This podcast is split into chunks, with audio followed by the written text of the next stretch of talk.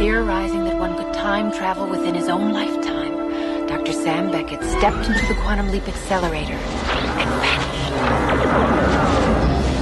This time we got time in the turtle.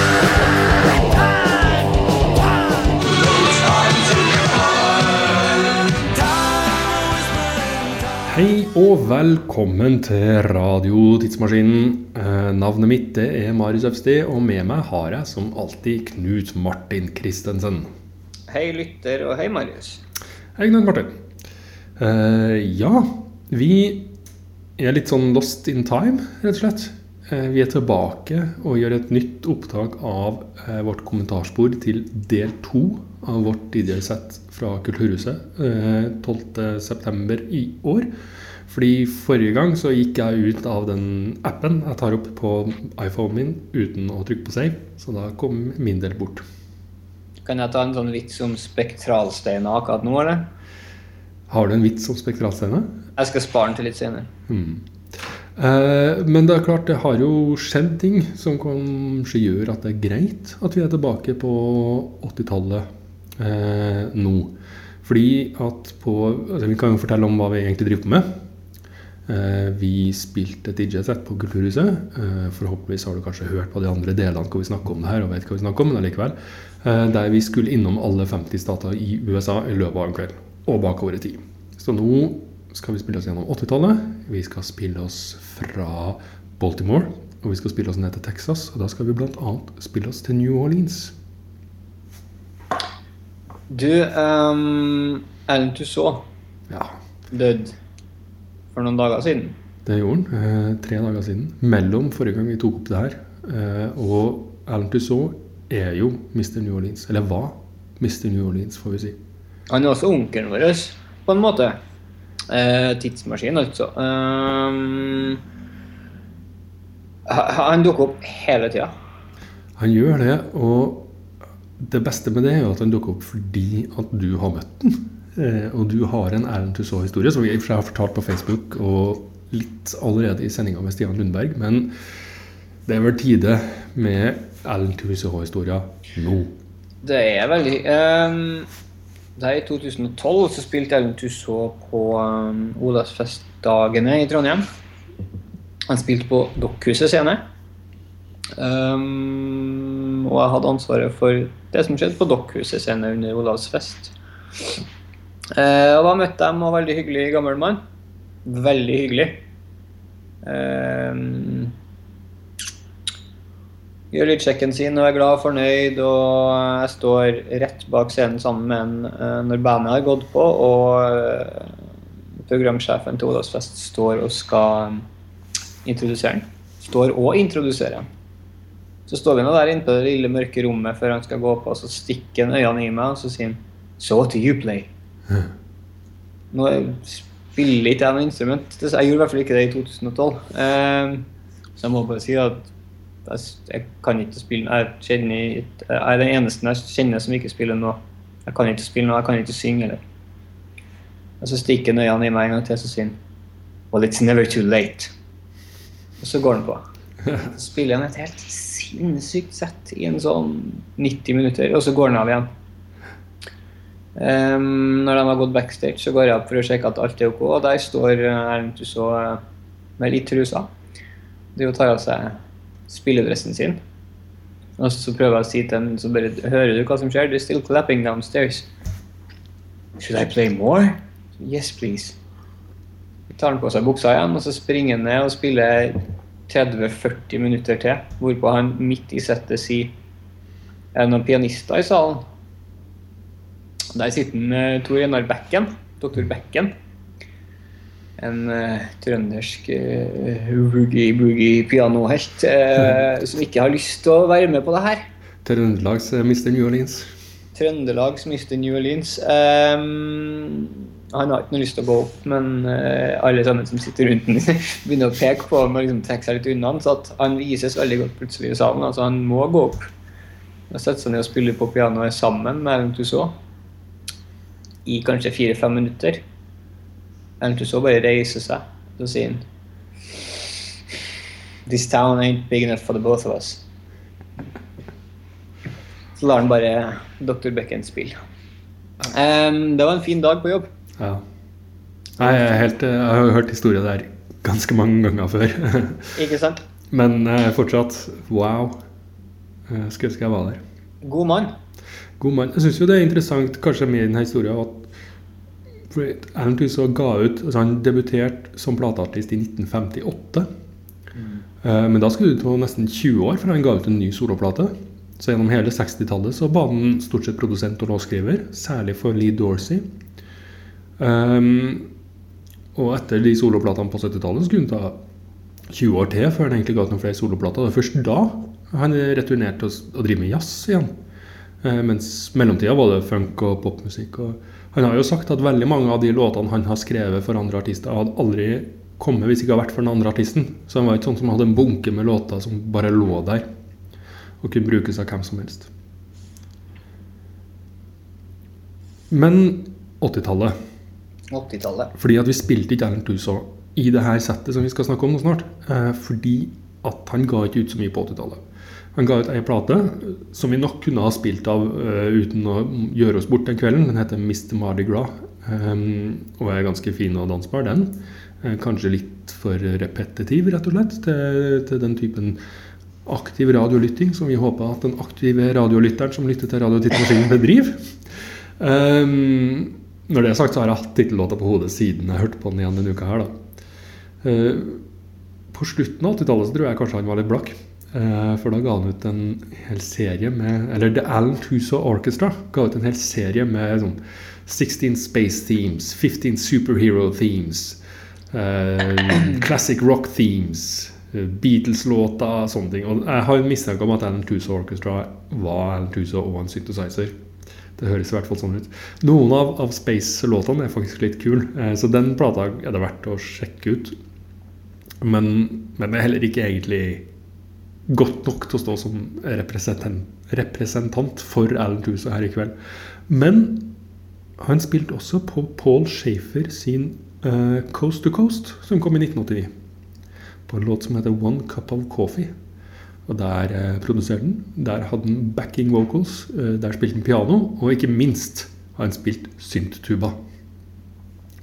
Så jeg vet ikke, Har du lyst til å høre Erlend Tusa på synttuba, Knut Martin? Det er det jeg har lyst til å høre. Ja, da hører vi One Cup of Coffee.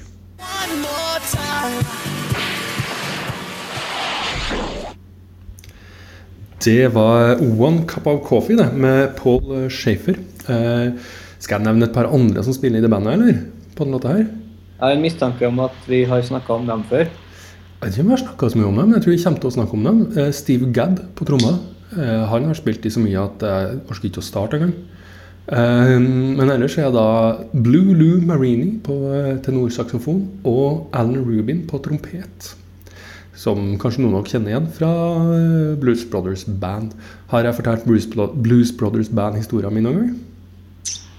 Um, jeg hadde nok huska den. Ja. Tror ikke Ja, det? det er ikke så innmari god historie, men jeg har møtt uh, Duck Dunn, Donald Duck Dunn, Blue Lou Marini, uh, Alan Rubin og Matt Guitar Murphy og intervjua dem for student-TV i Trondheim en gang i tida. Og fikk dem til å signere trompetkassen min. Uh, jeg har ikke sånn kjempegode historier fra dem, altså, men de var veldig hyggelig. Det er flere spørsmål jeg har nå. Ja. Signere hva for noe? Trompetkassen min. Jeg, jeg har en gang eid en trompet. Jeg har spilt trompet på musikkskole. Unnskyld. Da skal vi gjøre det pinligere når vi først er i gang og snakke om ting som ikke handler om det viktige. Nei, nei, men det er bare... Nei, men okay, vi, vi sparer den historien. En gang så dukker historien om trompeten til Marius opp seinere. Det passer bra. Uh, en gang Du hørte hva du sa. Uh, sorry. Videre. ja. Uh, jeg tror at et navn vi kommer til å dukke opp ganske mange ganger i løpet av denne sendinga, er Warren Saven. Så jeg kan jo med en gang nevne at Warren Saven var Paul Shafers faste vikar på, på Late Night Show. Så når han skulle ut og gjøre andre ting, så var det Warren Saven som ledet det bandet. Så vi har hørt store deler av nå, ikke absolutt hele bandet, men ja. Han har vi snakka om før. Men du, vi har Ja. en reise. Vi har en reise å gjøre unna. Eh, Vi befinner oss på to steder, som alltid. holdt jeg på å si. Vi er på Kulturhuset. Klokka har blitt midnatt 12.9. Vi er også i Maryland. Vi er i eh, Maryland i 1989. Helt ålreit uh, band. Helt ålreit band. Uh, Talking Heads. Uh, vi spilte Blind fra plata Naked, som kom i 1988. Siste Talking Heads-plata.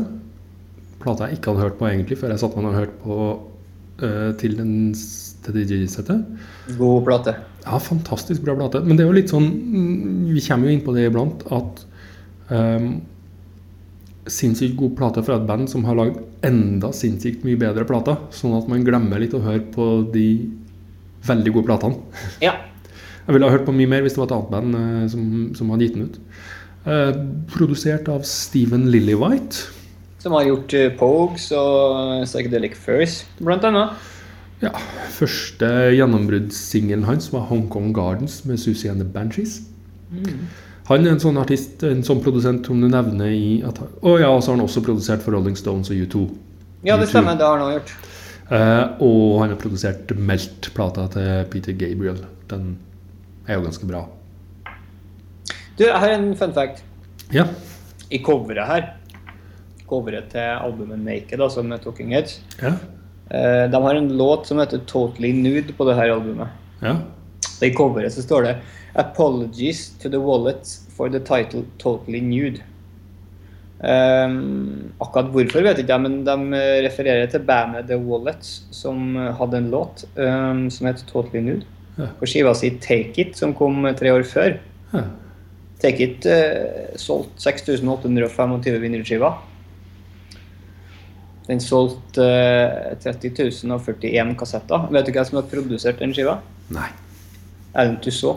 Nei! Så der, der havna vi. Wow. Vi burde, vi burde, ha, har vi den hos deg? Kan vi spille den? Vi, vi får dele den på Facebook Vi- eller et eller annet sånt. Det må vi lete opp. Uh, wow. Um, vi hopper litt i geografien eh, og litt i tid. Uh, og drar til South Carolina. The Sequence. Vi spilte The Sequence sin And You Know That fra 1980, som er en singel. Um, jeg nevnte jo egentlig innledningsvis at 80-tallet var ikke så snilt med Alan Tuso. Altså, han lagde ikke sin beste musikk på 80-tallet. Det var jeg ærlig nok på. Uh, og veldig ofte, vi, i hvert fall tidlig når vi starta å spille med Tidsmaskin, så hendte jo ofte at mange sa å, jeg gruer meg til 80-tallet. Eh, Ja, faktisk. ikke sant? Eh, mens vi oppdaga jo at altså, Vi har alltid vært glad i 80-tallet, men ble bare enda mer glad i 80-tallet. Altså, utrolig mye bra musikk som kom på 80-tallet. Men når jeg gjorde research til denne DJ-settet, så begynte jeg å skjønne litt hvorfor 80-tallet har tross alt et dårlig rykte. For det er så mange artister som var så bra 50-, 60-, 70-, 80 eh, 50-, 60-, 70-tallet, som bare kollapsa og gjorde seg bort på 80-tallet. Um, og altså, lenge så, så det ut som det eneste jeg hadde å velge i South Carolina, var Chubby Checker sitt eh, comeback-plate fra eh, litt 80, og Eartha Kitt sin uh, disco-dance-plate på 80-tallet. Ingen av dem er bra. Men heldigvis så kom uh, The Sequence og redda oss. Um, gitt ut på Sugar Hill. Uh, tidlig, tidlig hiphop. Fantastisk plate. Uh, Angie Stone var med i det her bandet. Hun har jobba en del med Dianglo og sånt uh, siden. Mm. Nytt for meg helt til jeg begynte å høre på låta. Ja. Um, vi skal reise videre til Maryland. ja, tilbake til Maryland blir det vel noe av? vi skal tilbake til Maryland. Ja. Artistene jeg ikke klarer å høre så mye på. Nei, uh, jeg har også trøbbel med Frank Zappa. Eh, jeg har mer lyst til å like den enn jeg klarer å like den. Jeg har stor respekt for alle dere som liker Frank Zappa skikkelig masse. Eh, ikke minst vår gjest Stian Lundberg, som spilte Zappa til oss eh, tidligere. Må være lov å si at vi har lite respekt for dem som sier at de liker Zappa, men faktisk ikke hører på dem også. det, det er. Jeg vet hvem dere er. Ja. Eh, men jeg liker de Frank Zappa-låtene som er den samme låta gjennom hele låta. Det er alltid et pluss. Ja. Eh, og til tross for sine drøyt fem minutter, så var No Not Now, som vi spilte fra Ship Arriving Too Late To Save A Drowning Witch fra 1982, den er en, låt med veldig fint, eh, fint groovy. Eh, vi kan jo også nevne at det også er Hawaii-låta vår, fordi at det er noe synging om Hawaii i, i den, og Utah. Green, Be Green Peace to Utah synger de om. Så tekstmessig så er den kanskje åtte låter, men, men eh, det er den samme grooven gjennom hele. Hva Fin var greia med Zappa og Warren Seaman? Er det noe greier med Zappa? og Warren Seaman? du pleide Warren Seaman å bo i gjestehuset til Frank Zappa eller noe sånt? Eller? Det må vi finne ut av. Ja, det har ikke jeg hørt. Eh, De havner jo ved siden av hverandre i vinylsamlinga til folk. da. Ja, jeg mener at øh, Ja, nei, det um, får bli neste sending. Uh, ja, Steve Vai på gitar her. Uh, han eh, nevner vi snart igjen. Mhm. Um, jeg, jeg, jeg må jo prøve, da. Jeg må sette Frank Zappa, øh, kanskje det albumet her, da, på hodetelefonene. Ja, jeg likte den plata her. eh, Som en Zappa-skeptiker så syns jeg gjennomgående den plata her eh, den likte jeg ganske godt. Da. I hvert fall halvparten av den. Mm, Har Girl på seg, som sikkert er den sangen han har.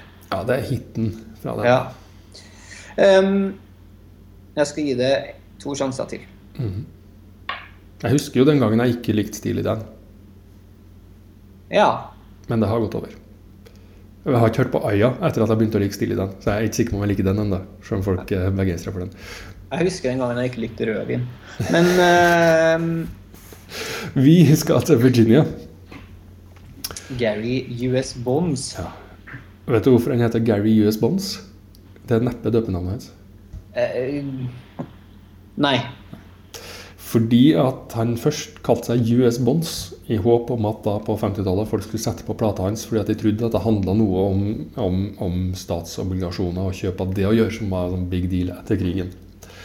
Jeg vet ikke om det var så mange som gjorde det. Eh, Og så trodde folk at det var et band, så det, da måtte han jo putte Gary først. da. Jeg har glemt å notere hm, hva døpenavnet hans, Hvordan? hans var, men, eh, men han er vokst opp i Virginia. Eh, og plata Låta 'Out of Work' kom på plata 'On The Line' fra 1982. Som er den andre av to comeback-plater han ga ut med, med, med, med The E Street Band som backing-band. Eh, og dermed eh, også da Clarence Carter. Clemens. Jeg har skrevet Clarence Carter, men heter Clarence Clemens. Saksofonisten i, eh, i Street Band, i hvert fall. Som er, også er fra Virginia. Jeg har enten jeg har sagt noe feil en gang et eller annet sted, i hvert fall. Jeg har aldri sagt noe feil noen gang. Uh, Bruce Springsteen har også produsert skiva. Um, jeg bare lurer på en ting eh, Valgte han det her navnet fordi han trodde at amerikanere skulle gå inn i en platebutikk og tro at Nei, det var At DJ-ene skulle spille feil. Sånn at de trodde at det skulle være en radioannonsering om kjøp av statsobligasjoner. Ah, that's pretty clever. ja, det er fint. Ja, bra. Bra, god presisering. Godt spørsmål, Knut Martin. Fin artist. Ja. Til, til West Virginia, da, kanskje? Til West Virginia, og eh, hvem er det her, tenkte jeg når jeg så du hadde plukka den låta. Bandet Asleep at the Wheel. Sleep at the Wheel, ja. De Vunnet ni Grammys, da. Ja, vunnet ni Grammys. De er, plata som vi tok uh, I Need a New Drug fra, uh, heter 10. Nei, heter 20. XX. Altså uh, De har holdt på en stund. Ja. Em, kom i 1987. Eh, de ble danna i Pawpaw i West Virginia, men stakk ganske kjapt av gårde ned til, til Texas. Og er en sånn bauta i den her western swing-sjangeren i, i USA. Um, tidvis ganske nydelige plater, tidvis litt vel danseband, er lov å si. Det her er en Huey Lewis eh, and The News-låt som kom samme år. Det er jo låta som eh, inspirerte, kan du si, eh, Ghostbusters, eh, Ghostbusters-låta. Yes. Eh, det var et ganske stort søk- her, eh, som Jeg vet ikke om det pågår ennå, men det er jo samme låta. Ja. Ghostbuster-teamen og, og I Want a New Drug er akkurat den samme låta. Jeg foretrekker den faktisk i Sleep at Wheel sin versjon. Jeg bare føles som om Her har jeg ingen erfaring med, selvfølgelig, men det føles litt som en hyggeligere gjeng å ta dop med enn Hugh Lewis. Av en eller annen grunn. Av en eller annen grunn så er jeg ikke Ok, men um, Et band jeg aldri hadde hørt om noensinne, som er gigantisk. Ja. Jeg har hørt om dem fordi at de har covra Kinky Friedman, som vi har snakka om uh, en del tidligere. Eller før, eller seinere. Litt avhengig av hvor i tidsreisen du befinner deg på 70-tallet. Eh, skal vi stikke til North Carolina? En jeg har hørt om, men egentlig aldri hørt så mye på, er David Olney.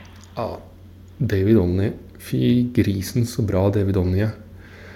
I 1989 så ga han ut en plate som heter Deeper Well. Hvis noen tenker hm, Deeper Well, det hørtes litt kjent ut, så er det en veldig veldig fin cover av eh, David Olney sin Deeper Well på Emily Harris sin Wrecking Ball, som kom i 94. Som fortsatt er den eneste plata jeg anerkjenner at heter Wrecking Ball. Så sorry Bruce Springsteen, sorry Miley Cyrus. Eh, fantastisk fin plate. Både Deeper Well og eh, Wrecking Ball. Fantastiske plater. Eh, David, Olney han var født i eh, Rhode Island, men han vokste opp i North Carolina. Eh, vi spilte Way I Am, som er en veldig tøff låt. Ehm, vi la ut tidlig på, på Facebook eh, når denne sendinga altså ble lagt ut, så la jeg ut et nydelig nydelig klipp fra Austin City Limits, der de spiller eh, Først spiller Wait Here for the Cops, og så The Contender. Eh, jeg anbefaler lete opp og se det. I hvert fall The Contender, beste låta om boksing noensinne. Og der er det ganske god konkurranse. Altså. Jeg kan komme på en liten bunke med fantastisk fine låter om boksing. Er du, eh, er du i en by hvor du ser at han spiller, eh, så går du og ser. Ja. Han spilte faktisk i Nashville i går. Eh, Det var da 12. november 2015. Ja, Så det er ikke så han lenge siden han spilte i Trondheim, det er ikke så lenge siden han spilte i Oslo. Eh, Så kjenner vi Tor Skjølberg rett, så dukker han opp i, i en by nær deg, om ikke så ja, in your lifetime, i hvert fall. Skal jeg fortelle deg hvor mange likes han har på Facebook? Det kan godt. 2771. Det er litt flere enn oss, men det er altfor få. Det er veldig flaut. Ja. Men jeg har, jo, har kanskje ikke så stor overlapp mellom Facebook og folk som elsker den. Hvor mange Facebook-likes har David Lee Roth, da, tror du? Det er morsomt. Jeg kan gjette nå. Vi kan finne svaret etter vi har spilt neste låt. Jeg tipper 109 000. Ja. Fælt er kanskje for gamle. Jeg ville ha trodd at det var nærmere en halv million, men eh, jeg vet Ja. jo ingenting om Facebook.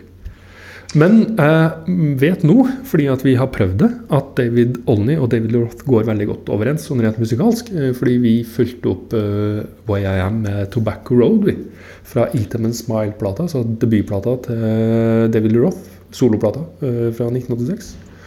Og Tobacco Road den ligger i Durham, eh, North Carolina, den. Han er 28 000. 28 000. De er ikke så flinke på sosiale medier. Nei, må dere skjerpe dere. Gå hjem. Um, Gå hjem og blogg. Steve Wye spilte på den her også. Eh, så har vi nevnt det. Vi kan jo også si at uh, Tobacco Road er en sånn ypperlig kandidat til vår faste spalte. uh, som da hører hjemme i sendingene, og ikke i slike kommentarspor som det her. um, nemlig ukjente originaler.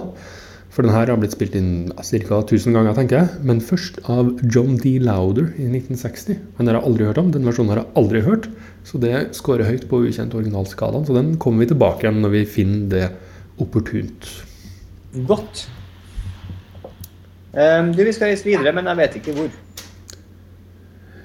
Vi skal spille Jason. Vi spilte på DJ-settet vårt på, eh, i Oslo. Så spilte vi Jason i The Scorchers. Ja, hva heter den låta? Ah, ok, jeg forstår. Uh, Hot Georgia Nights. Jeg Fra- kunne ha sett på låttittelen. Kunne ha gjort det. Fra Fervor-EP-en, som kom i 1983. Uh, det er den samme singelen som Absolutely Eller samme EP-en som Absolutely Sweet Marie-coveren deres er på, som er helt fantastisk, og som eh, Jason eh, Ringenberg har en eh, fin anekdote om, som han forteller hver eneste gang han spiller konsert. Og kjenner vi Tor Sjølberg rett, så dukker vel Jason Ringenberg opp i en by nær deg også. Eh, om, I overskuelig framtid. Jeg har i hvert fall vært så heldig å fått sett den et eh, par-tre ganger rundt omkring i Trøndelag Ja. fantastisk, eh, fantastisk artist. Og da er vi selvfølgelig i Georgia. Eh, I Athens, Georgia, som er en by med ja, på størrelse med Trondheim. 100 000 ish innbyggere. Jeg sjekka der forrige gang, men jeg har glemt det nå. ja. Men ja. Der skjedde ting på 80-tallet, altså. Vi, Noen må ha forklart på et eller annet tidspunkt hvorfor. Det må være en katalysator her som vi Den skal vi lete litt Jeg etter. tror det er, noe, det er nok noen klubber inne i bildet. Eh, Ja. men, men det er klart altså, Det er mange band som kommer derfra. Eh, ikke bare da. Eh, Drive-By Truckers er visst eh, Athens-basert. Eh, dette har vi skrevet en Twitter-oppdatering om. Jeg har glemt detaljene. Men det er klart, på 80-tallet så var det to, to band som virkelig står ut. Og Det er B-52s, og det var ikke minst REM. Um, og vi spilte Lightning Hopkins fra Document, som kom i 1987. Femte albumet vi igjen. Femte albumet. Eh, overgangen fra lite rockeband til verdens største band i noen år. Ja. Har uh, en uh, så Plata her har også uh, 'It's the end of the world as we know it' på seg. Men, det, men ja, litt før det store, store gjennombruddet. Men igjen Men eh, første, første de hadde med produsenten Scott Litt, som da var gjennombruddene, som gletta dem, må det vel være lov å si. mm, Som gletta til lydbildet deres litt. Uh, han produserte Green, Out of Time, Automatic for the People, Monster og New Adventures in Hi-Fi også. Vet du hva REM også gjorde på Jeg tror faktisk det var 1987 òg. I hvert fall omtrent da. Nei. De var backingbandet til Warren Seven på Sentimental Hygiene. Yes, det er korrekt. Det. Av alle fun facts, så det er kanskje min favoritt. Ja, veldig fint eh, backingband òg. Eh, men det er klart Vi skal snakke mer om den om Seven én gang. Ehm, men eh, vi kan jo nevne at Bob Dylan er også med å spille litt sånn eh, munnspill på den Sentimental Hygiene. Og det var sånn at Dylan bare møtte opp, og så sa noen til Seven Du, Dylan sitter i, i, i venterommet og har lyst til å spille.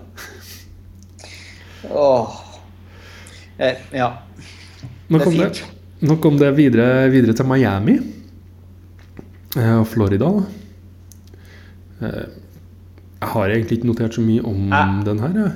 Jeg innså nettopp at vi er nødt til å s- Avsporing. Ja.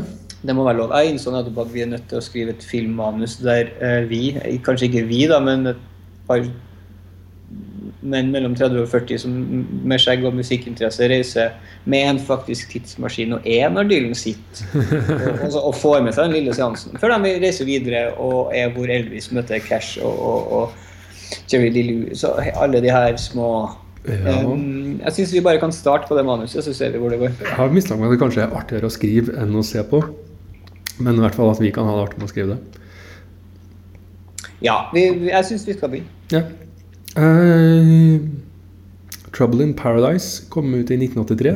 Uh, Randy Newman-plate. Nydelig plate. Uh, har låta 'Miami'.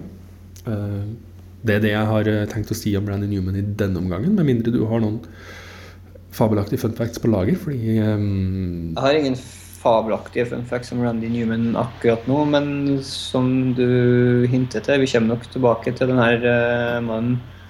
Um, jeg syns den låta her er rar. mhm. Det er mitt innspill. Jeg vet ikke hva det er, men den er bare merkelig.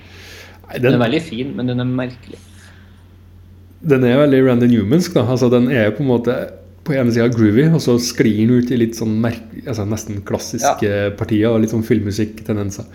Um, når vi er inne på merkelig Tav Falco and The Panther Burns Vi snakker om barten hans. um, Vi kan snakke mye om det. Vi spilte uh, I'm On This Rocket, som er på en EP som heter Blow Your Top. Nå har vi reist til Mississippi. Vi har reist til Mississippi Vi har reist til Mississippi selv om uh, Tav Falco og Anis Panther Burns uh, danna i Memphis og relokerte New Orleans i løpet av tidlig 80-tall. Fordi at i Mississippi så ligger det en farm som heter Panther Burns. Så det var vår uh, kobling der. Du, denne albumet her er spilt inn i Arden Studios Ja, eh, på seks timer. Ja altså, nå snakker vi om albumet Behind the Magnolia Curtain. eh, som vi skal spille en låt fra umiddelbart. eh, som kom i 81, tror jeg. Eh, så denne EP-en kom etterpå med litt annen besetning. Det, det, det, er litt som å, det er litt som å få låne en Lamborghini og ikke ha råd til bensin. det. Ja. Men det klart, liksom- hvem tror du de fikk låne Arden Studios av? Kan det ha vært av mangeårig Arden Students-tekniker eh, og gitarist slash trommis på den plata her, eh, nemlig L.X.Chilton. Det høres veldig sannsynlig ut. Ta eh, Tav Falco and the Panther Burns var et band som Alex Chilton starta opp eh, ganske umiddelbart etter at, at eh, Big Star hadde kollapsa helt. Altså at det prosjektet var ferdig. Eh, og det er jo et helt annet Det var salig spetakkel. Altså han, han og en til spilte delt på å spille gitar og trommer, og de bytta gjerne midt i konserten. Um, Alex Chilton ble erstatta til den her, eh, før den her Blow Your Top-EP-en med en fyr som heter Jim Scalvanus Scalvanus Her er notert litt dårlig, og han har litt vanskelig navn. Som siden har spilt i Grinderman, Bad Seeds, eh, Sonic Youth og The Cramps. Hei sann.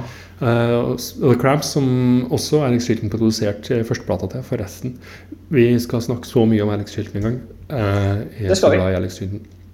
Men nå skal vi spille Alex Chilton. Vi skal spille LX Chilton og Tav Falco and the Panther Burns. Vi skal spille en helt sinnssyk versjon de har av uh, Burjoa Blues, um, som var på denne Behind the Magnolia Curtains-EP-en. Eh, låt som egentlig er skrevet av Ledbelly i um, møte med New York. Uh, Ledbelly var der med, med blues-samler Alan Lomax.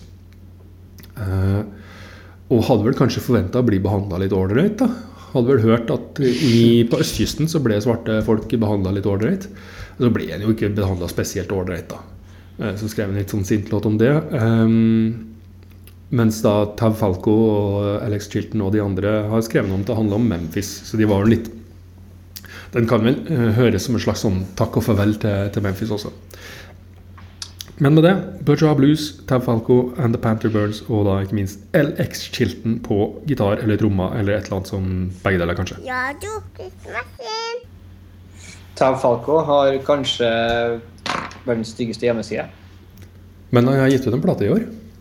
Den kom med en plate 2.2.2015. Det, det er godt. Eh, Den har jeg ikke hørt på enda. Nei, ikke heller. Jeg har ikke hørt så veldig mye annet enn den her, eh, de, de tingene jeg har hørt på til det her eh, DJ-settet. Eh, du, Men du, nå står det Warren uh, Seven-parket mitt. fra Mississippi til Alabama. Vi, spilt, Jeg tror kanskje vi har nevnt han mannen her før. vi har kanskje nevnt ham her før. Um, vi spilte Play It All Night Long fra Bad Luck Streaking Dancing School, uh, som kom i 1980. Det er en ganske ålreit eh, platetittel. Det er en ganske ålreit platetittel fra en ganske ålreit artist. Når vi først er å snakke om, om eh, sånt eh, På Bad Luck Streaking Dancing School så covrer Warren Seven Alan Tusa. Han har en låt, eh, han har en versjon av A Certain Girl som er nydelig eh, på denne plata. her, Som jeg faktisk ikke før i dag visste at var en Alan Tusa-låt. Nei, det var nytt for meg også, men eh, det er jo vår onkel. Det er vår onkel. Um, jeg kan jo først si litt om All Night nå, så skal jeg si litt om, eh, om Warning 7. Og nå er det kanskje på tide at du finner frem Casioen din igjen. Eh, eller ikke Ja, finner frem ja. Casioen din igjen.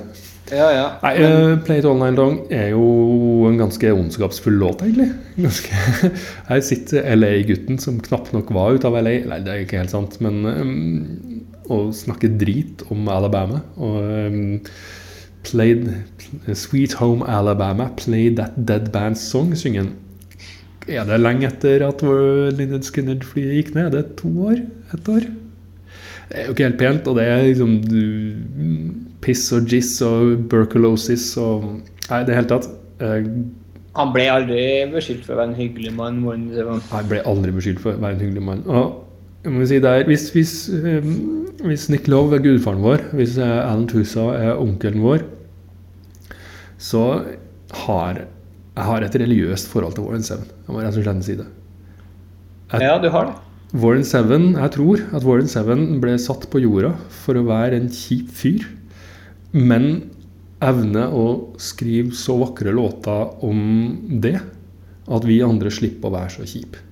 At vi kan finne en form for tilgivelse og ro i vår ikke fullt så kjiphet når, når Warren Seven går rundt og setter ord på den eh, ja, crappen og driten og utilstrekkeligheten som man kan eh, oppleve iblant. Jeg skulle ønske jeg hadde Carlson. Nei, jeg kommer stadig vekk tilbake til Warren Seven. Eh, vi skal snakke så mye om Warren Seven. En gang så skal vi lage sendinger om Warren Seven også, men det kjenner jeg at det er liksom meg Det gruer meg til. Ja, du sier det. Du har sagt det i et par år nå, tror jeg. At eh, det ser, du ikke fram til. Nei, det blir vanskelig å plukke bort låta. Det blir vanskelig å snakke om det uten å bryte sammen i gråt, tror jeg. Um, Les boka, eh, kjære lytter. ja, den er, ja, den er tidvis ganske morsom, og så er den tidvis helt sinnssykt grusom. Yep. Eh, fordi Men, Seven var eh, tidvis grusom, og det gikk tidvis dårlig med den. Også, men den har jo et den har jo noe viss rom for håp, kan man si det? Ja, det går det an å si. Eh, Jeg liker den episoden der Seven og Billy Bob Thornton finner hverandre ved postkassene. Eh, og I sin felles OCD med at begge står der og åpner og lukker og åpner og lukker liksom 100 ganger. Um, før de kan liksom sjekke at posten er der. Eh, det det fins noen sånne øyeblikk. ja. Anbefales, den boka. Jepp. Alabama til Louisiana. Til Luciene eh, og Paul Simon, eh, 'That Was Your Mother' fra Graceland, som kom i 1986. Eh, spilt inn i New Orleans, handla om Luciene Solgt 16 mil. Veldig innafor. Tøff låt. Veldig sånn New Orleans-tempo inn. Altså at det, det går et par tempo her. Du, Jeg visste ikke at han var gift med Carrie Fisher. Det var nytt for meg. Nei, han var ja, gift med Carrie Fisher. I hvert fall fram til omtrent den plata her, var ikke det? Jo, det var visst akkurat rundt den tida der. Det, det gikk som så. Nei, ja, vi kommer til å returnere til Paul Simon også. Det er vanskelig å komme unna. Um, en kar som vi snakka om ganske mye uh, i um, Altså det vi tok opp i forrige uke, sending fire. da er på sending to. Litt forvirrende, men du har en tidsmaskin her, så det, det bør du klare å finne ut av, kjære, kjære lytter. Uh, men en kar som vi snakka om forrige gang, vårt forrige Casio Moment, det var Tony Joe White. Ehm, han var fra Luciane. Uh, husker ikke farten om han var fra New Orleans eller et lite sted i nærheten. Men eh, i 19... En lite sted i nærheten høres mye mer romantisk ut. Han var fra et lite sted i nærheten av eh, New Orleans. Ja, og i 1983 så ga han ut en plate som het Dangerous. Vi spilte Dangerous fra den plata her. Eh, den var ganske kul, altså. Eh, Den eh, sleazy. er veldig annerledes enn alt det andre han har tatt. Så den er jo et forsøk på å kaste seg på en eller annen diskobølge. Ja, som er det er jo det her en 83% vellykka, tror jeg. Ja. Uh, jeg syns det var litt morsomt at ifølge, ifølge Discogs i hvert fall, så er dette den eneste låta som Steve Cobb har skrevet. Uh, bassist på det her. Og Steve Ja. Cobb har ikke spilt så innmari mye, men han har spilt med Al Green. Så det det, skjønner jeg. Men det, merkelig album, merkelig låt, fin låt. Mm. eh, Men langt unna Tony Joe White. ja, langt unna den, det, det Tony Joe White gjorde på, på, på Monument. Um, nå tenkte jeg at det hadde passa bra å dra den historien som jeg ikke fikk med forrige gang, om når Tony Joe White spilte i en musical-versjon av Shakespeares Othello, som uh, skifta navn til, til den kom ut på, på, em, på drive-in-kinoa fordi at den ikke gikk så bra. Fikk et fint Fint, fint uh, Satan from Santa Fe, tror jeg den ble hetende på drive-in-runden. Fordi at Jesus Christ Superstar har gjort så godt. Men den historien husker jeg ikke ordentlig, så det får vi ta siden en gang. Hva er Nei, vent. Jo, det her vil jeg høre. Men ja. Du forst- jeg, jeg noterer at jeg skal spørre deg om den her. Ja, nei, Vi skal dra den historien i en framtidig Tony Joe White-sending. Eh, vi var fortsatt i litt sånn sleazy i hjørne. Vi, på, vi begynte jo å nærme oss klokka ett om natta. Det er jo et eh, godt sted for sleaze. Ja. Og så spilte vi eh, Waylon Jennings, eh, texaneren Waylon Waylon Jennings, sin Do It Again, eller sin cover av Steely Dan sin Do It, Do It Again fra plata Music Man, som kom i 1980. Jeg husker når du ikke likte Steely Dan. ikke sant? Det burde jo ikke være lov å covre den, eh, men det er det. Den er kul. Jeg tror nok kanskje at han er en av dem som kan covre den vil. Ja, ja det kan hende. Så det, den var nydelig. Og så eh, tok vi et lite hopp tilbake eh, til Florida. Eh, eventuelt et lite hopp fram til, til Arizona, men det hadde vi ikke lov til, for dit skulle vi på 70-tallet. Eh, for vi spilte Stevie Nicks sin eh, 'Stop Dragging My Heart Around' fra Belladonna, som kom i 1981. Solgt 15 millioner. Ja. Eh, den eh, Vel fortjent. Solgt 15 millioner. Flott plate. Flott plate. Jeg ble helt satt ut av å høre Edge of 17, for det slo meg at jeg hadde aldri egentlig vært klar over at det var Edge of 17 jeg hørte. Når jeg hørte den låta. En av de låtene som bare fins. Visste ikke Ja. hvem det var, visste ikke hvor den var fra. Men vi spilte den fordi at den er skrevet av og kora med, eller sunget duett med, blir det riktig, eh, Tom Petty. Og Tom Petty er fra Florida. Eh, på tide med Geffen-facten min nå, eller? Ja, Geffen-facten din. Eh, Du har jo hatt mange anledninger til å nevne Geffen-fact. For, Jeg har glemt eh, Det har vært en litt eh, tåkete spalte, det her fakt ja. om David Geffen, men eh, men Warren Seven ga ut på Asylum, så vi kan jo nevne det i hvert fall. Eh, det kom, jeg kom på at det passa akkurat nå, fordi Jimmy Iowine, eller uh, Iowine, eller Vet ikke hvordan du uttaler det her navnet. Ja. Som har produsert det albumet. Eh, som var en av de som starta Interscope. um, som ble Interscope Geffen. Um, som for et halvår siden solgte eh, Beats, altså da det her Beats eh, som han solgte sammen med Dr. Dre for 3 milliarder dollar Ja. til Apple. Um, han har da produsert denne skiva, som sagt. uh, før han starta plateselskapet David Geffen. Ja. Så det var den. Det var dagens Geffen- Geffen-fact. Eh, Jeg ser en trend i Geffen-factene at de handler om at David Geffen selger ting. Ja, nå var det ikke Geffen, det var eh, Jimmy som solgte eh, Beats. Eh, Aha. Geffen her kom veldig godt ut av det. Han bare var med. Ja. Nei, det, det blir verre. Yes. Eh, den aller, aller siste låta i det her settet bør du høre på. Jeg bør selvfølgelig høre på hele settet, men eh, litt fordi at den ikke er spesielt lett tilgjengelig digitalt.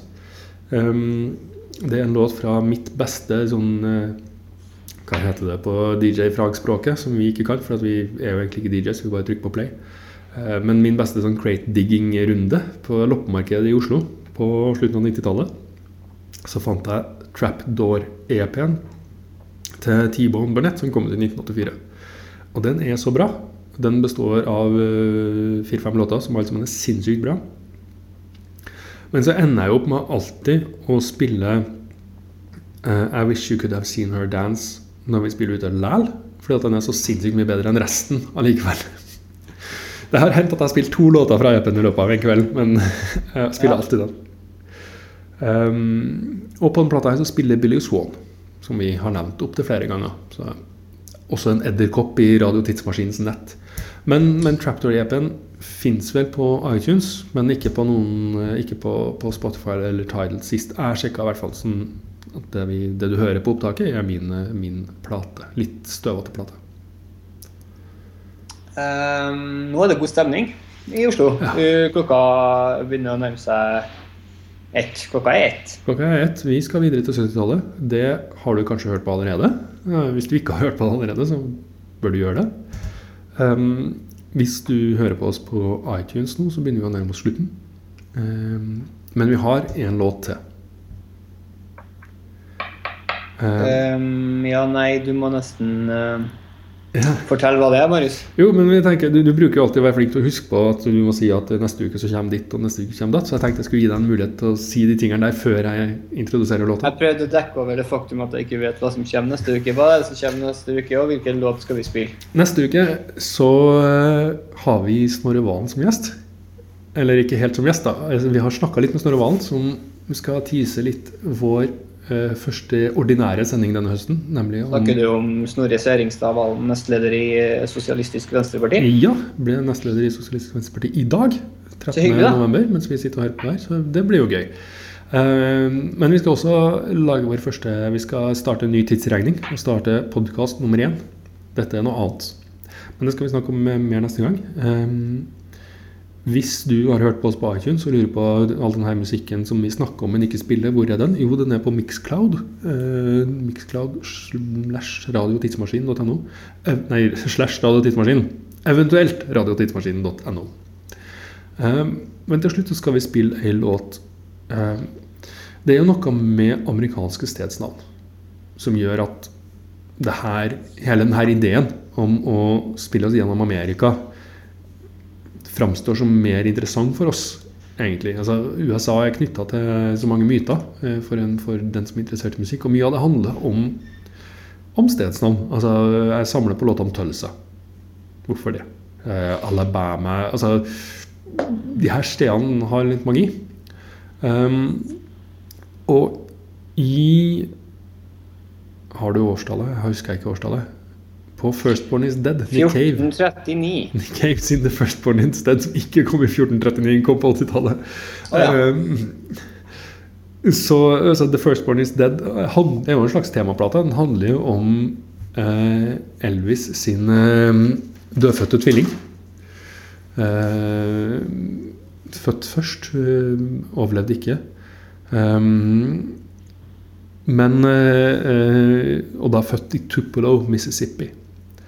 Eh, og tittellåta på Eller førstelåta på, på plata Tupelo eh, ja, er jo en sånn ja, En slags magisk eh, trylleformel, kan vi si det?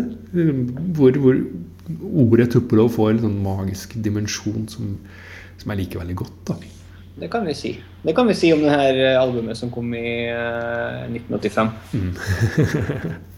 Sa vi hvor mange likes eh, David Lee Roth hadde? Nei, vi gjorde ikke. Vi sa det til hverandre mens vi hørte på den plata. Så du må avslutte med å si hvor mange likes hadde David Lee Roth? Eh, han hadde 28 700 og noe likes. Um, skjerpings på SoMe. Ja. David Lee Roth. Det var, men du var nærmest, da. Min halve million var ganske langt unna. Nå ja, eh, vi sier takk for oss med Nick Cave and The Bad Seeds og Tupelo. Question is, when the hell are they?